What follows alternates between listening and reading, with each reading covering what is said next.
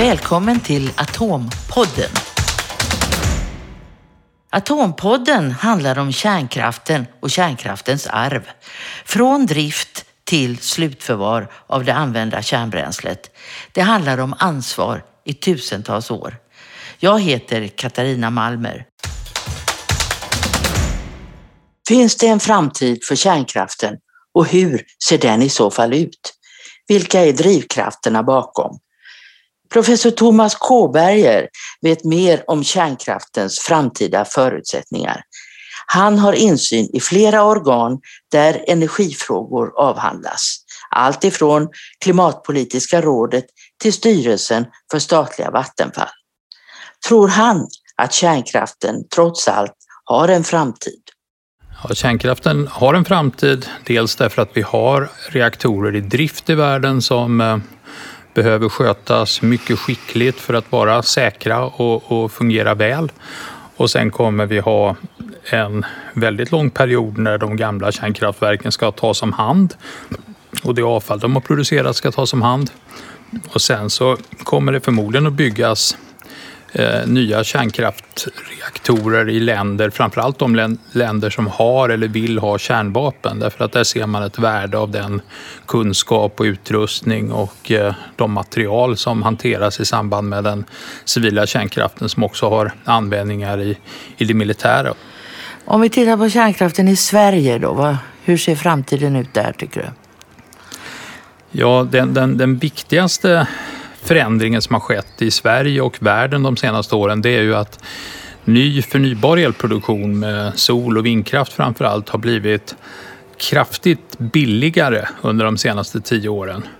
Eh, vindkraften har kanske reducerat priset till en tredjedel och solelen till en eh, femtedel av vad det kostade för tio år sedan. Och det har betytt att nu kan man bygga nya sol och vindkraftanläggningar och få el som inte bara är billigare än vad elen kostar på nya kärnkraftverk utan den börjar till och med konkurrera med drift och underhållskostnaderna i existerande kärnkraftverk. Och det ser man väldigt tydligt i de öppna marknadsekonomierna som i USA till exempel där sol och vindel byggs ut väldigt snabbt samtidigt som man stänger kolkraftverk och också några av de äldsta kärnreaktorerna av rent ekonomiska skäl. Men den debatt som förs i Sverige idag, det handlar ju väldigt mycket om att vi måste ha kärnkraften för att vi ska kunna klara oss framöver. Ja, och, och, det finns ju inget tekniskt skäl att vi måste ha det och ekonomiskt så bygger många av de eh, argumenten på en, en, en eh, ekonomiskt eh, orimlig idé att eh, man förutsätter att man ska bygga väldigt mycket eh, elektrifiering i industrin. Alltså till exempel såna här anläggningar som Hybrid och Green, H2 Green Steel där man ska använda billig el för att producera vätgas som ska ersätta kol. Eh, och så säger man att det, det kommer att hända och därför måste vi ha eh, el även om den elproduktionen blir väldigt dyr som den då blir med om man tänker sig nya kärnkraftverk eller något sånt. Eh, problemet är att om vi skulle ta till så dyra elproduktionsmetoder då skulle inte de här industriella processerna som använder el vara konkurrenskraftiga och bli av. Så att jag har svårt att se att det, det scenariot är, är möjligt utan en förutsättning för att industrin ska lyckas med sin elektrifiering och övergången till elektrobränslen istället för fossila bränslen, alltså bränslen producerade av förnybar el Eh, eller av el då, det är att, att elen blir så pass billig att eh, det blir ett konkurrenskraftigt system. Så att ska, ska det bli någon elektrifiering och ersättning av fossila bränslen i industrin och transportsektorn då förutsätter det att elproduktionen går att göra billig. Men vad beror det då på att det är så många som förespråkar kärnkraft i Sverige idag och beklagar att eh, några reaktorer har stängts ner? Ja, det finns ju kärnkraftforskare som gör det därför att de vill ha resurser och anslag. Det finns företag som argumenterar i den här riktningen för att de vill behålla värdet på sina kärnkraftverk och, och hålla dem igång så pass hålla dem igång längre för att skjuta upp kostnader för rivning och avfallshantering och så. Men jag tror att den, den viktiga förändringen nu jämfört med för 40 år sedan det är att eh, idag är de flesta aktörer i, i, det, eh, i industrin och, och, i den finansiella sektorn, de är väl medvetna om de ekonomiska eh, realiteterna och skulle inte satsa pengar på att, eh, att driva någon kärnkraftkampanj eller bygga, investera i kärnkraftverk. Men de vi har kvar, de eh, förnyas och de byter delar och har sig så att mm. de ska kunna gå hur länge som helst. Hur länge kan ett kärnkraftverk gå? Alltså det, det, tekniskt sett så går det säkert att med stora investeringar hålla igång kärnreaktorer eh, ytterligare många decennier. Men i praktiken så är ju det som avgör hur länge de drivs det vad det skulle kosta att eh, reparera och modernisera dem och hålla dem i drift jämfört med vad alternativen kostar eller vad elpriset är. Och ett eh, problem för många är ju att eh, man fattar investeringsbesluten och tror att reaktorerna därefter ska fungera perfekt. Men sen så händer det ytterligare eh, saker och man får ytterligare tekniska problem som gör att reaktorerna inte fungerar perfekt i fortsättningen heller, producerar mindre el än det var tänkt och därmed får en högre produktionskostnad och sämre lönsamhet än man trodde när man beslutade om reparationerna. Och det där är ju lite grann, eh, liknar ju lite grann det som eh, många av oss har upplevt med gamla bilar och apparater. Att man, man tror att om vi bara byter avgassystemet nu så håller bilen i tio år till. Men den gör inte det utan det dyker upp andra problem. Men finns det risker med de här gamla också? Det gör det också. Det, det, det finns risker med dem och eh, det har alltid varit och är ett problem i de företag som driver kärnkraftverken att klara av att prioritera säkerheten även när kärnkraftverken är under ekonomisk press. Alltså att man är väldigt mån om att fortsätta producera el i de här reaktorerna eh, därför att det är viktigt för att hålla igång lönsamheten och, och, och verkligen få driva dem vidare långsiktigt vilket gör att man ibland negligerar tekniska problem vilket skulle kunna leda till, till allvarliga olyckor.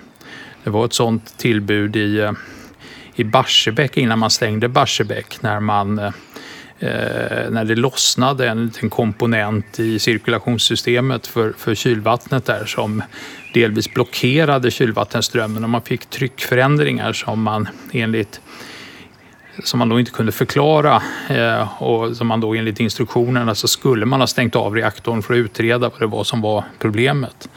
Men det var en period när elpriset var högt och då ville man gärna driva det vidare och så drev man det vidare eh, trots det här problemet. Så att den här avvägningen mellan säkerhet och, och, och säkerhet både i betydelsen olycksrisker och i betydelsen att man vet vad det är som inte riktigt fungerar som det ska och att eh, upprätthålla produktionen och tjäna pengar. Den är, den är svår och viktig. Men nu söker ju, nu vill ju Forsmark öka produktionen i en befintlig reaktor. Finns det risker med sånt?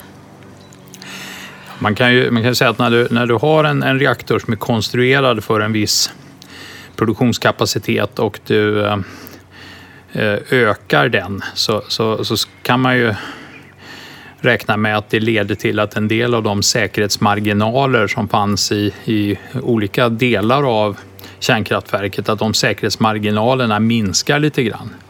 Men när man eh, fattar de här besluten och, och, och, får tillstånd att förändra effekten så bygger det på att man har har gjort analyser och kommit fram till att det ändå är tillräckligt säkert. Men eh, det blir en, en typ av problem när man gör det här på gamla reaktorer. Och det är att även om man har eh, dokumentation med alla ritningar och konstruktionsberäkningar och allting som man har eh, samlat i permar eller numera i datorer så, så finns ju inte längre de ingenjörer kvar som, som konstruerade systemen. Och äh, även om man har ambitionen att allting ska dokumenteras och arkiveras så eh, är det ofta en del av, av kunskapen och förutsättningarna som inte finns i dokumenten. Och dessutom har det ju visat sig när man har gått igenom för att eh, verifiera eller göra om säkerhetsanalyserna att det inte alltid är lätt för dagens ingenjörer att ens förstå den dokumentation som, som, som fanns och förstå vad det var, hur det var man tänkte när man, när man gjorde de här analyserna. Så att det finns ett problem med åldrande reaktorer och säkerhetsanalyser som har att göra med att all insikt om konstruktionsförutsättningar och sånt inte är tillgänglig på samma sätt som när en reaktorkonstruktion är ny. Tycker du man borde säga nej till effekthöjningar då? Jag tycker inte generellt att man bör göra det, men det är viktigt att både reaktorföretagen och eh, myndigheterna är väldigt eh, noggranna i den här typen av analyser och att man verkligen försöker förstå vad det är man, eh, man inte riktigt har kontroll över. Men om det händer någonting, en olycka, då är det ju då är det en stor katastrof. Ja, det kan ju hända små olyckor, men, men stora olyckor är, är väldigt allvarliga och kostar väldigt mycket pengar och innehåll, innebär väldigt stora eh, skador på människor och, och, och, och, värden i samhället. Och, det är ju också ett av eh, de eh, ekonomiskt goda argumenten mot kärnkraft. Kärnkraften anses ju vara räddningen för klimatet. Är det så? Ja, kärnkraften är ju eh, överlägsen all energiförsörjning baserad på, energi, på fossila bränslen. Eh, och, och, hade det inte varit så att vi hade billig förnybar elproduktion tillgänglig så hade ju eh, vi varit i en mycket besvärligare situation där vi hade varit tvungna att välja mellan kärnkraftens negativa effekter eller klimatförändringsriskerna. Eh, och, och, och, det hade ju varit eh, ett eländigt svårt eh, beslutsfattande men det är ju ändå så att det faktum att den industriella utvecklingen det senaste decenniet har gjort att sol och vindel har blivit billigare än elproduktion med fossila bränslen och billigare än elproduktion med, eh, med, med kärnreaktorer. Det är ju en eh, fantastiskt eh, god utveckling, en god nyhet och en, en, en källa till eh, förhoppningar inför att vi ska kunna åstadkomma en framtid där energiförsörjningen inte är det som begränsar den globala mänsklighetens välstånd. Det är kul.